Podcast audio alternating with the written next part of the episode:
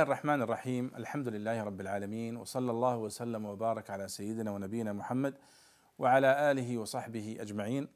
اللهم علمنا ما ينفعنا وانفعنا جميعا بما علمتنا وارزقنا جميعا الإخلاص والسداد في القول والعمل. حياكم الله أيها الإخوة الكرام والأخوات الكريمات في هذا اللقاء المتجدد من لقاءات التعليق على تفسير الإمام عبد الله بن عمر البيضاوي الشافعي رحمه الله تعالى وغفر له وتقبل منا ومنه. وقد وقف بنا الحديث عند الآية السابعة والخمسين من آيات سورة الأعراف. وقد مضى الحديث فيها عن قصة أصحاب الأعراف وأول السورة والحديث عن الآيات التي ذكر الله فيها خلق السماوات والأرض واستواءه سبحانه وتعالى على العرش. ولا زال الحديث مستمرا عن صفات الله سبحانه وتعالى التي بها يستحق العبادة ويستحق توحيده بالعبادة سبحانه وتعالى. فنبدأ في الآية التي معنا وهو الذي يرسل الرياح بشرا بين يدي رحمته. بسم الله والحمد لله والصلاة والسلام على رسول الله صلى الله عليه وسلم. اللهم اغفر لنا ولشيخنا وللمسلمين أجمعين اللهم آمين. قال الله تعالى: وهو الذي يرسل الرياح بشرا بين يدي رحمته حتى إذا أقلت سحابا ثقالا سقناه لبلد ميت فأنزلنا به الماء فأخرجنا به من كل الثمرات كذلك نخرج الموتى لعلكم تذكرون. قال رحمه الله وهو الذي يرسل الرياح وقرأ ابن كثير وحمزة والكسائي الريح على الوحدة نشرا جمع نشور بمعنى ناشر وقرأ ابن عامر نشرا بالتخفيف حيث وقع وحمزة والكسائي نشرا بفتح النون حيث وقع على أنه مصدر في موقع الحال بمعنى ناشرات أو مفعول مطلق فإن الإرسال والنشر متقاربان. وعاصم بشرا وهو تخفيف بشر جمع بشير وقد قرئ به. وبشرا بفتح الباء مصدر بشره بمعنى باشرات أو للبشارة. وقرئ بشرى بين يدي رحمته قدام رحمته. يعني المطر. فإن الصبا تثير السحاب والشمال تجمعه والجنوب تدره والدبور تفرقه حتى إذا أقلت أي حملته واشتقاقه من القلة فإن المقل للشيء يستقله. سحابا ثقال بالماء جمعه لأن السحاب جمع بمعنى السحائب. سقناه أي السحاب وإفراد الضمير باعتبار اللفظ. لبلد ميت لأجله أو لإحيائه أو لسقيه. وقرأ ابن كثير وأبو عمرو وابن عامر وأبو بكر عن عاصم بتخفيف ميت. فأنزلنا به الماء بالبلد أو بالسحاب أو بالسوق أو بالريح وكذلك فأخرجنا به. ويحتمل فيه عود الضمير إلى الماء. وإذا كان لي لبلد فالباء للإلصاق في الأول وللظرفية في الثاني. وإذا كان لغيره فهي للسببية فيهما من كل الثمرات من كل أنواعها.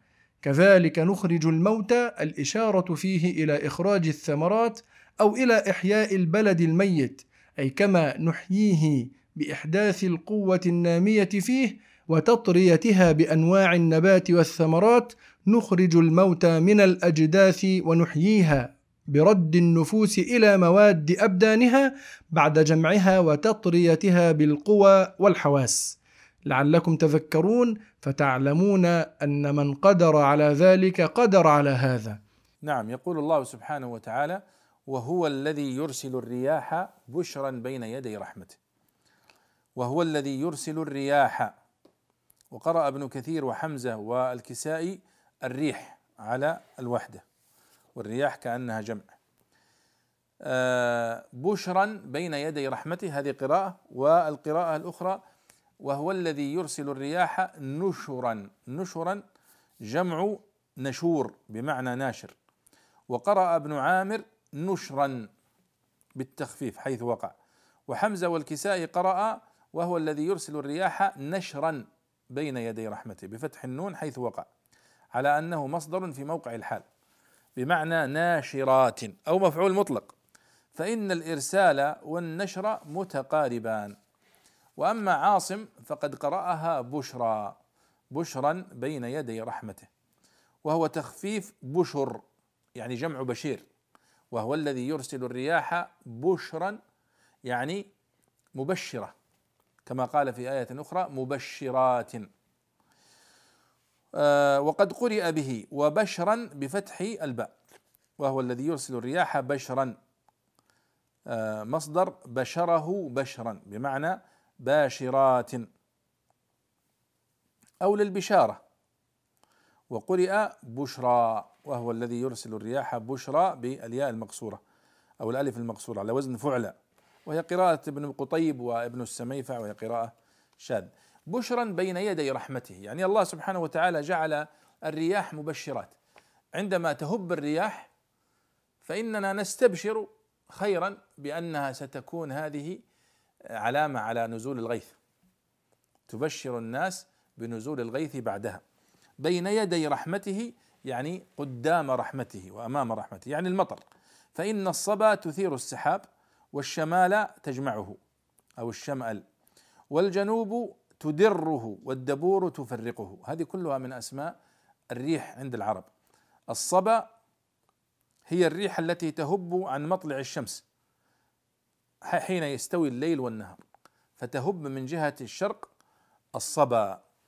ولذلك دائما يت يعني يت يعني يذكرها الشعراء في شعرهم ألا يا صبا نجد متى هجت من نجدي؟ لقد زادني مسراك وجدا على وجدي. ويقول أئن هتفت ورقاء في رونق الضحى وهب الصبا يوما على ساكن نجدي وهكذا. فالصبا هي الريح المبشرة التي تأتي من جهة الشرق. والشمال هي التي تهب من جهة الشمال القطب الشمالي وتكون باردة. والجنوب هي التي تهب مقابلة للريح الشمال وتدره يعني تنزل المطر من الدر در اللبن يعني. والدبور تفرقه. والدبور هي الريح المقابلة للصبا. الصبا قلنا أنها تهب من المشرق والدبور تهب من المغرب وهي تفرق السحاب. ولذلك الناس يتشاءمون بها يتشاءمون بريح الدبور ولا يحبونها. حتى إذا أقلت سحابا أي حملته أقلته يعني حملته. واشتقاقه من القلة فإن المقل للشيء يستقله بمعنى يحمله. قال حتى إذا أقلت سحابا ثقالا يعني هذه الريح تقل سحابا ثقالا يعني تحملها من مكان إلى مكان. سحابا ثقالا بالماء. جمعه لأن السحاب جمع بمعنى السحائب. سقناه أي سقنا السحاب إلى لبلد ميت لأجله أو لإحيائه أو لسقيه. وقرأ ابن كثير وأبو عمرو بن عامر وأبو بكر عن عاصم بتخفيف ميت. سقناه لبلد ميت. أما حفص فهو يقرأ لبلد ميت. فأنزلنا به الماء فأخرجنا به من كل الثمرات. يعني فأنزلنا بالبلد أو بالسحاب أو بالسوق أو بالريح وكذلك فأخرجنا به. ويحتمل فيه عود الضمير إلى الماء. وإذا كان لبلد فالباء للإلصاق في الأول وللظرفية في الثاني.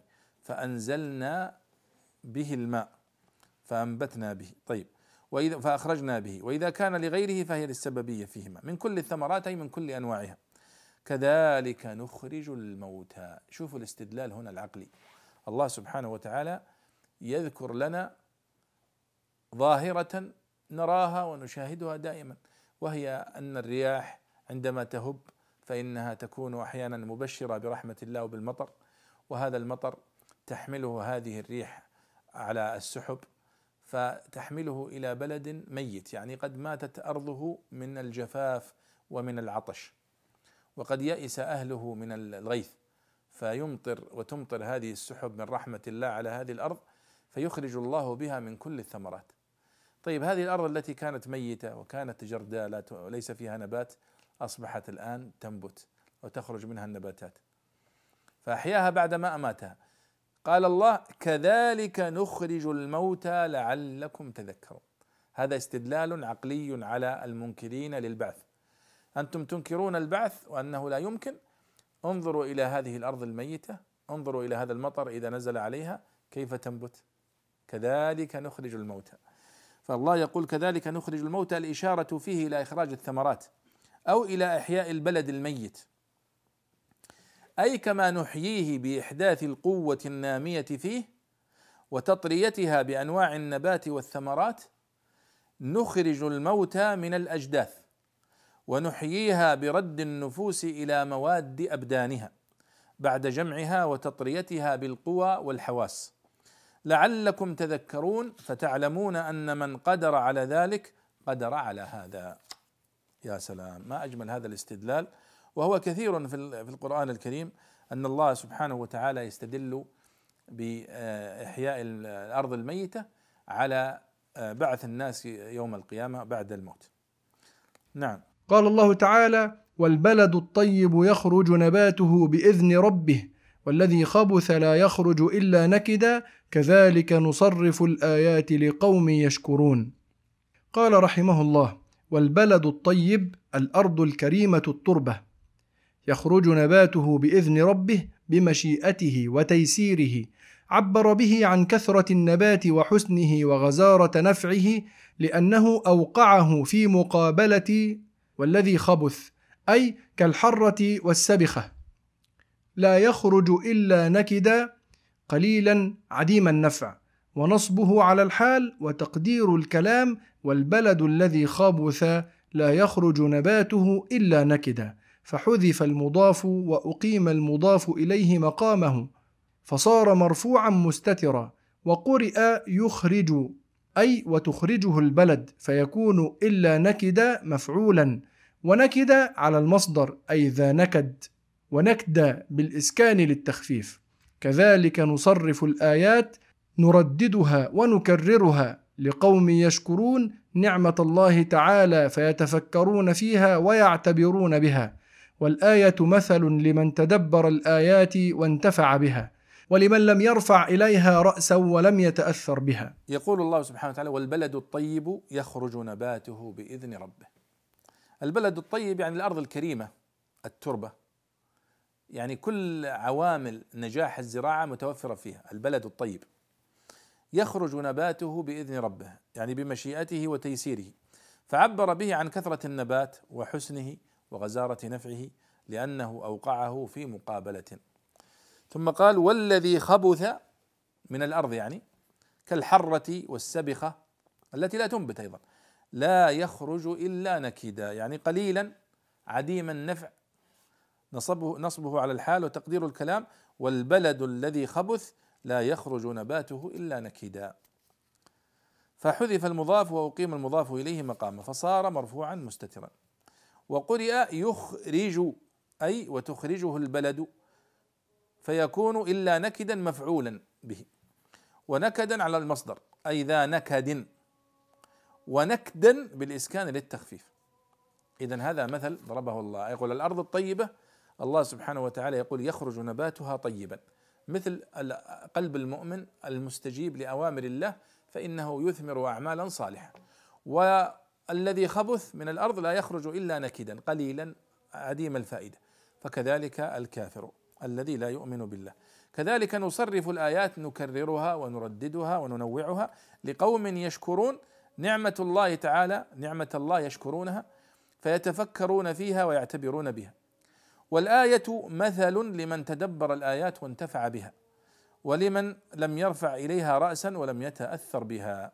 اذا البيضاوي لخص في آخر تفسيره للآية أن الآية هي مثل ضربه الله سبحانه وتعالى لمن استجاب لأوامره ولمن أعرض عن أوامره سبحانه وتعالى. فمن استجاب لأوامره مثل الأرض الطيبة ينبت نباتها ويخرج نباتها بإذن ربها. والأرض التي خبثت مثل الذي أعرض عن أوامر الله ولم يستجب لها ولم يرفع لها رأسا ولم يتأثر بها. هنا نحن قد انتهينا تقريبا من 58 آية كانت أشبه ما تكون بتأصيل ومقدمات في هذه السورة. يبدأ الآن فيقص علينا من قصص الأنبياء. ما يؤكد المعنى الذي ذكرناه في أول السورة وأن سورة الأعراف قد جاءت للانتصار للتوحيد والانتصار للعقيدة وبيان وبيان مصير المكذبين والمنكرين وعاقبتهم في الدنيا والآخرة. ويبدأ الآن الحديث عن سوره عن قصة قوم نوح عليه الصلاة والسلام. قال الله تعالى لقد أرسلنا نوحا إلى قومه فقال يا قوم اعبدوا الله ما لكم من إله غيره إني أخاف عليكم عذاب يوم عظيم. قال الإمام البيضوي رحمه الله ونفعنا الله بعلومه في الدارين. اللهم آمين. لقد أرسلنا نوحا إلى قومه جواب قسم محذوف. ولا تكاد تطلق هذه اللام إلا مع قد لأنها مظنة التوقع. فإن المخاطب إذا سمعها توقع وقوع ما صدر بها. ونوح ابن لمك ابن متوشلخ ابن إدريس أول نبي بعده. بعث وهو ابن خمسين سنة أو أربعين فقال يا قوم اعبدوا الله أي اعبدوه وحده. لقوله تعالى ما لكم من إله غيره وقرأ الكسائي غيره بالكسر على اللفظ وقرئ بالنصب على الاستثناء إني أخاف عليكم عذاب يوم عظيم إن لم تؤمنوا وهو وعيد وبيان للداعي إلى عبادته واليوم يوم القيامة أو يوم نزول الطوفان. قال الله تعالى قال الملأ من قومه إنا لنراك في ضلال مبين. قال رحمه الله قال الملأ من قومه أي الأشراف فإنهم يملؤون العيون رواء. إنا لنراك في ضلال زوال عن الحق. مبين بين. قال الله تعالى قال يا قوم ليس بي ضلالة ولكني رسول من رب العالمين. قال رحمه الله قال يا قوم ليس بي ضلالة أي شيء من الضلال. بالغ في النفي كما بالغوا في الإثبات وعرض لهم به. ولكني رسول من رب العالمين استدراك باعتبار ما يلزمه وهو كونه على هدى. كأنه قال ولكني على هدى في الغاية لأني رسول من الله تعالى. قال الله تعالى أبلغكم رسالات ربي وأنصح لكم وأعلم من الله ما لا تعلمون. قال رحمه الله صفات لرسول أو استئناف ومساقها على الوجهين لبيان كونه رسولا. وقرأ أبو عمرو أبلغكم بالتخفيف. وجمع الرسالات لاختلاف أوقاتها أو لتنوع معانيها كالعقائد والمواعظ والأحكام. أو لأن المراد بها ما أوحي إليه وإلى الأنبياء قبله كصحف شيث وإدريس عليهما السلام. وزيادة اللام في لكم للدلالة على إمحاض النصح لهم وفي أعلم من الله تقريرا لما أوعدهم به فإن معناه أعلم من قدرته وشدة بطشه أو من جهته بالوحي أشياء لا علم لكم بها. قال الله تعالى أو عجبتم أن جاءكم ذكر من ربكم على رجل منكم لينذركم ولتتقوا ولعلكم ترحمون؟ قال رحمه الله أو عجبتم الهمزة للإنكار والواو للعطف على محذوف أي أكذبتم وعجبتم؟ أن جاءكم؟ من أن جاءكم؟ ذكر من ربكم رسالة أو موعظة على رجل على لسان رجل منكم من جملتكم أو من جنسكم فإنهم كانوا يتعجبون من إرسال البشر ويقولون لو شاء الله لأنزل ملائكة ما سمعنا بهذا في آبائنا الأولين. لينذركم عاقبة الكفر والمعاصي ولتتقوا منهما بسبب الإنذار. ولعلكم ترحمون بالتقوى. وفائدة حرف الترجي التنبيه على أن التقوى غير موجب. والترحم من الله سبحانه وتعالى تفضل وأن المتقي ينبغي ألا يعتمد على تقواه ولا يأمن من عذاب الله تعالى. قال رحمه الله فكذبوه فأنجيناه والذين معه في الفلك وأغرقنا الذين كذبوا بآياتنا إنهم كانوا قوما عمين قال رحمه الله فكذبوه فأنجيناه والذين معه وهم من آمن به وكانوا أربعين رجلا وأربعين امرأة. وقيل تسعة بنوه سام وحام ويافث وستة ممن آمن به. في الفلك متعلق بمعه أو بأنجيناه أو حال من الموصول أو الضمير في معه. وأغرقنا الذين كذبوا بآياتنا بالطوفان. إنهم كانوا قوما عمين عمي القلوب غير مستبصرين. وأصله عميين فخفف وقرئ عامين والأول أبلغ لدلالته على الثبات. يقول الله سبحانه وتعالى لقد أرسلنا نوحا إلى قومه. والغالب سبحان الله في القصص القرآن أنه يبدأ بقصة نوح لأنه هو أقدم الأنبياء عليهم الصلاة والسلام. مع أن العلماء طبعا يعتبرون آدم عليه الصلاة والسلام هو نبي كذلك.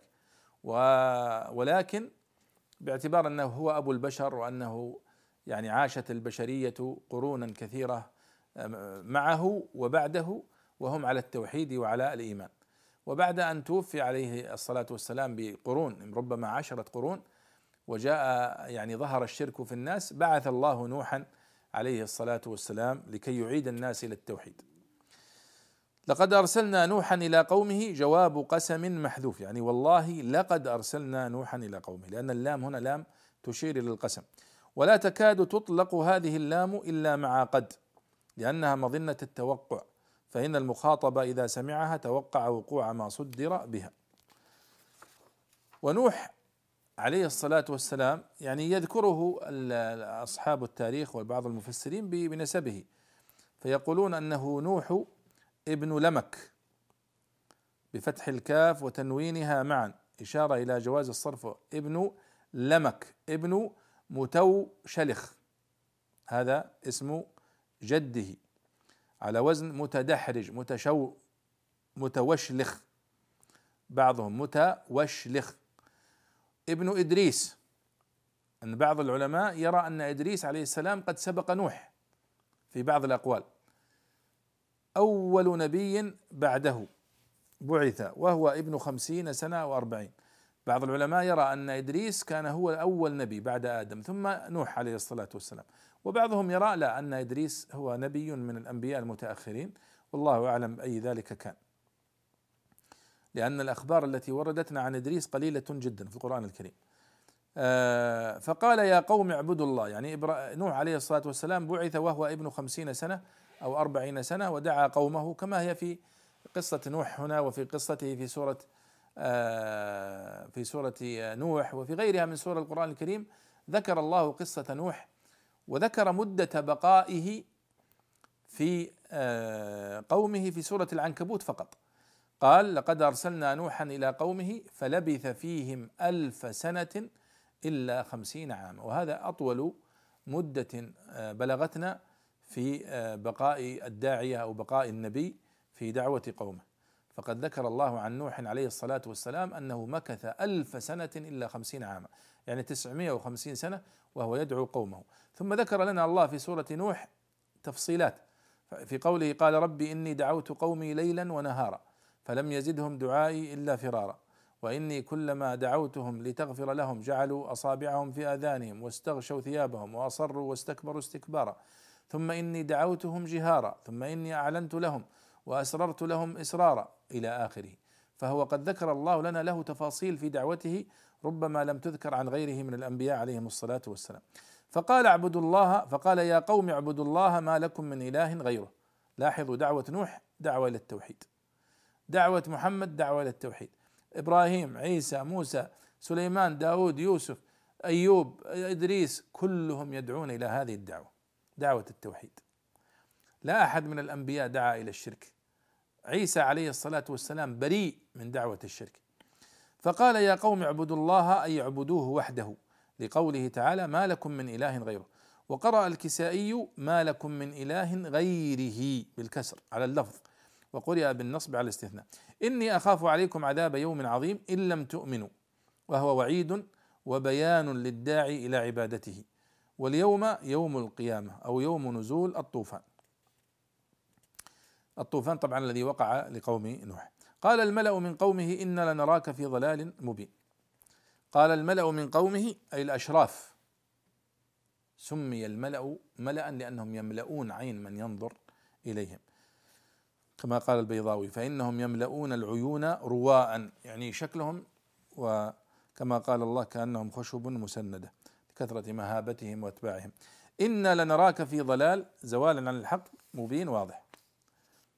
نعم. قال يا قوم ليس بي ضلالة ولكني رسول من رب العالمين.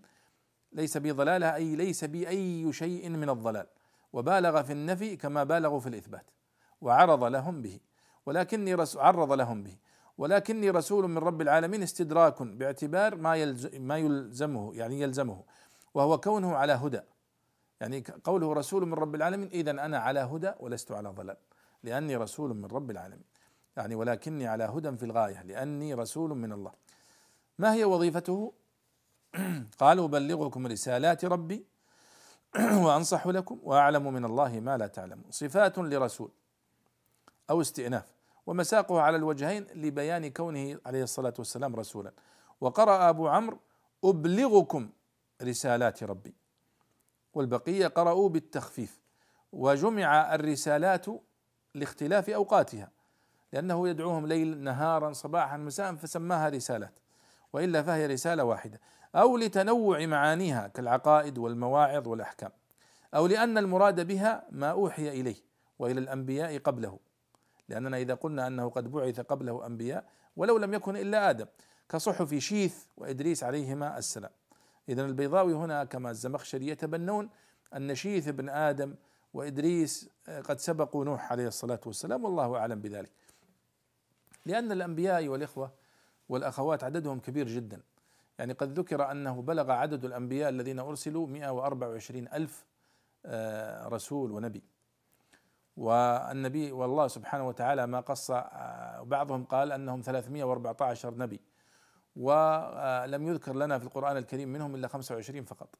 فأنظروا نسبة قليلة جدا. حتى من الثلاثمية آه، لم يذكر لنا إلا 24 أو 25 هذا عدد قليل. قال أبلغكم رسالات ربي. نعم. وزيادة اللام في لكم وأنصح لكم للدلالة على إمحاض النصح لهم يعني والإخلاص. وأعلم من الله تقريرا لما أوعدهم به فإن معناه أعلم من قدرته ومن شدة بطشه أو من جهته بالوحي أشياء لا علم لكم بها. نعم. قال أو عجبتم أن جاءكم ذكر من ربكم على رجل منكم لينذركم. الهمزة هنا للاستنكار. يعني لماذا تتعجبون من إرسالي إليكم؟ آه، أكذبتم وعجبتم أن جاءكم ذكر من ربكم يعني رسالة وموعظة من الله سبحانه وتعالى على رجل يعني على لسان رجل منكم من جملتكم أو من جنسكم. فإنهم كانوا يتعجبون من إرسال البشر. وهذه قديمة من قبل من نوح وإلى محمد صلى الله عليه وسلم. يطالبون بالمستحيل. لماذا لم يرسل لنا ملك من الملائكة؟ فيقولون ولو شاء الله لأنزل ملائكة ما سمعنا بهذا في آبائنا الأولين. ما هي وظيفة هذا النبي؟ قال لينذركم عاقبة الكفر والمعاصي ولتتقوا منهما بسبب الإنذار. ولعلكم ترحمون بالتقوى. آه، وفائدة حرف الترجي هنا ولعلكم ترحمون. التنبيه على أن التقوى غير موجب والترحم من الله سبحانه وتعالى تفضل. وأن المتقي ينبغي الا يعتمد على تقواه ولا يأمن من عذاب الله تعالى. نعم. ثم يختم الله سبحانه وتعالى قصة نوح عليه الصلاة والسلام في سورة الأعراف فيقول: نعم فكذبوه فأنجيناه والذين معه وهم من آمن به وكانوا أربعين رجلا وأربعين امرأة. هذا كما ذكر بعض الثعلبي من المفسرين وقيل كانوا تسعة. بنوه بنو نوح سام وحام ويافث وستة ممن آمن به. في الفلك يعني أركبهم معه في الفلك. وقد فصل الله سبحانه وتعالى قصة الفلك في مواضع أخرى. وأغرقنا الذين كذبوا بآياتنا. الله سبحانه وتعالى أغرقهم بالطوفان. وذكر سبحانه وتعالى قصة الطوفان في مواضع كثيرة. إنهم كانوا قوما عمين صفة لهؤلاء المكذبين عمي القلوب غير مستبصرين وأصله عميين عميين بيائين. فخفف وقرئ عمين وقرئ عامين. والأول أبلغ لدلالته على الثبات. وكلها من العمى يعني من عدم البصر. فلاحظوا هنا كيف ذكر الله سبحانه وتعالى على وجه الاختصار قصة نوح عليه الصلاة والسلام وذكر آه، احتجاجه على قومه وذكر تكذيبهم له فكذبوه فأنجيناه فكذبوه فأنجيناه اختصر الكلام هنا اختصارا شديدا مع أنه في سورة هود وفي سورة الشعراء وفي غيرها وفي سورة نوح قد فصل تفصيلا أكثر من ذلك. لكنه هنا اختصر في سورة الأعراف. ذكر الله سبحانه وتعالى حمل آه، نوح عليه الصلاة والسلام وقومه الذين آمنوا به في الفلك. ولاحظوا هنا أنه قال فكذبوه فأنجيناه والذين معه. وفي الآيات الأخرى أن الله أوحى إلى نوح أن آه، أن يأخذ معه في السفينة من آمن من أهله وهم قليل. حتى الذين آمنوا من أهله لم يكن منهم أحد أبنائه. الذي ذكره في سورة هود أن وقال ونادى نوح ابنه وكان في معزل يا بني اركب معنا ولا تكن مع الكافرين. قال سآوي إلى جبل يعصمني إلى الماء من الماء. فقال لا عاصم اليوم من أمر الله إلا من رحم. وحال بينهما الموج فكان من المغرقين. فإذا هلك ابن نوح وهلكت زوجته أيضا لأنها كانت من المكذبين الذين لم يؤمنوا به. فلاحظوا نوح عليه الصلاة والسلام مكث ألف سنة في قومه إلا خمسين سنة يدعوهم وبالرغم من ذلك ما خرج إلا بنتيجة قليلة جدا جدا. هم عدد قليل آمنوا به قيل أربعين وقيل أقل تسعة وقيل آه، يعني نحو هذا العدد. ولكن أيضا لم يذكر الله هنا في هذه الآية الحيوانات التي أمر الله نوحا أن يأخذ من كل زوجين من كل زوجين اثنين. فحمل معه في هذه السفينة من كل من كل زوجين اثنين من الحيوانات وأهلك الله سبحانه وتعالى قومه بالطوفان ثم آه، رست سفينته على الجود كما ذكر الله في سورة هود وأنجاه الله سبحانه وتعالى ومن آمن معه من قومه. ولعلنا نتوقف عند نهاية قصة آه، نوح عليه الصلاة والسلام ونكمل بقية هذه القصص العظيمة في الدروس القادمة بإذن الله تعالى. وإلى لقاء قادم وأنتم في خير. وصلى الله وسلم على سيدنا ونبينا محمد وعلى آله وصحبه أجمعين.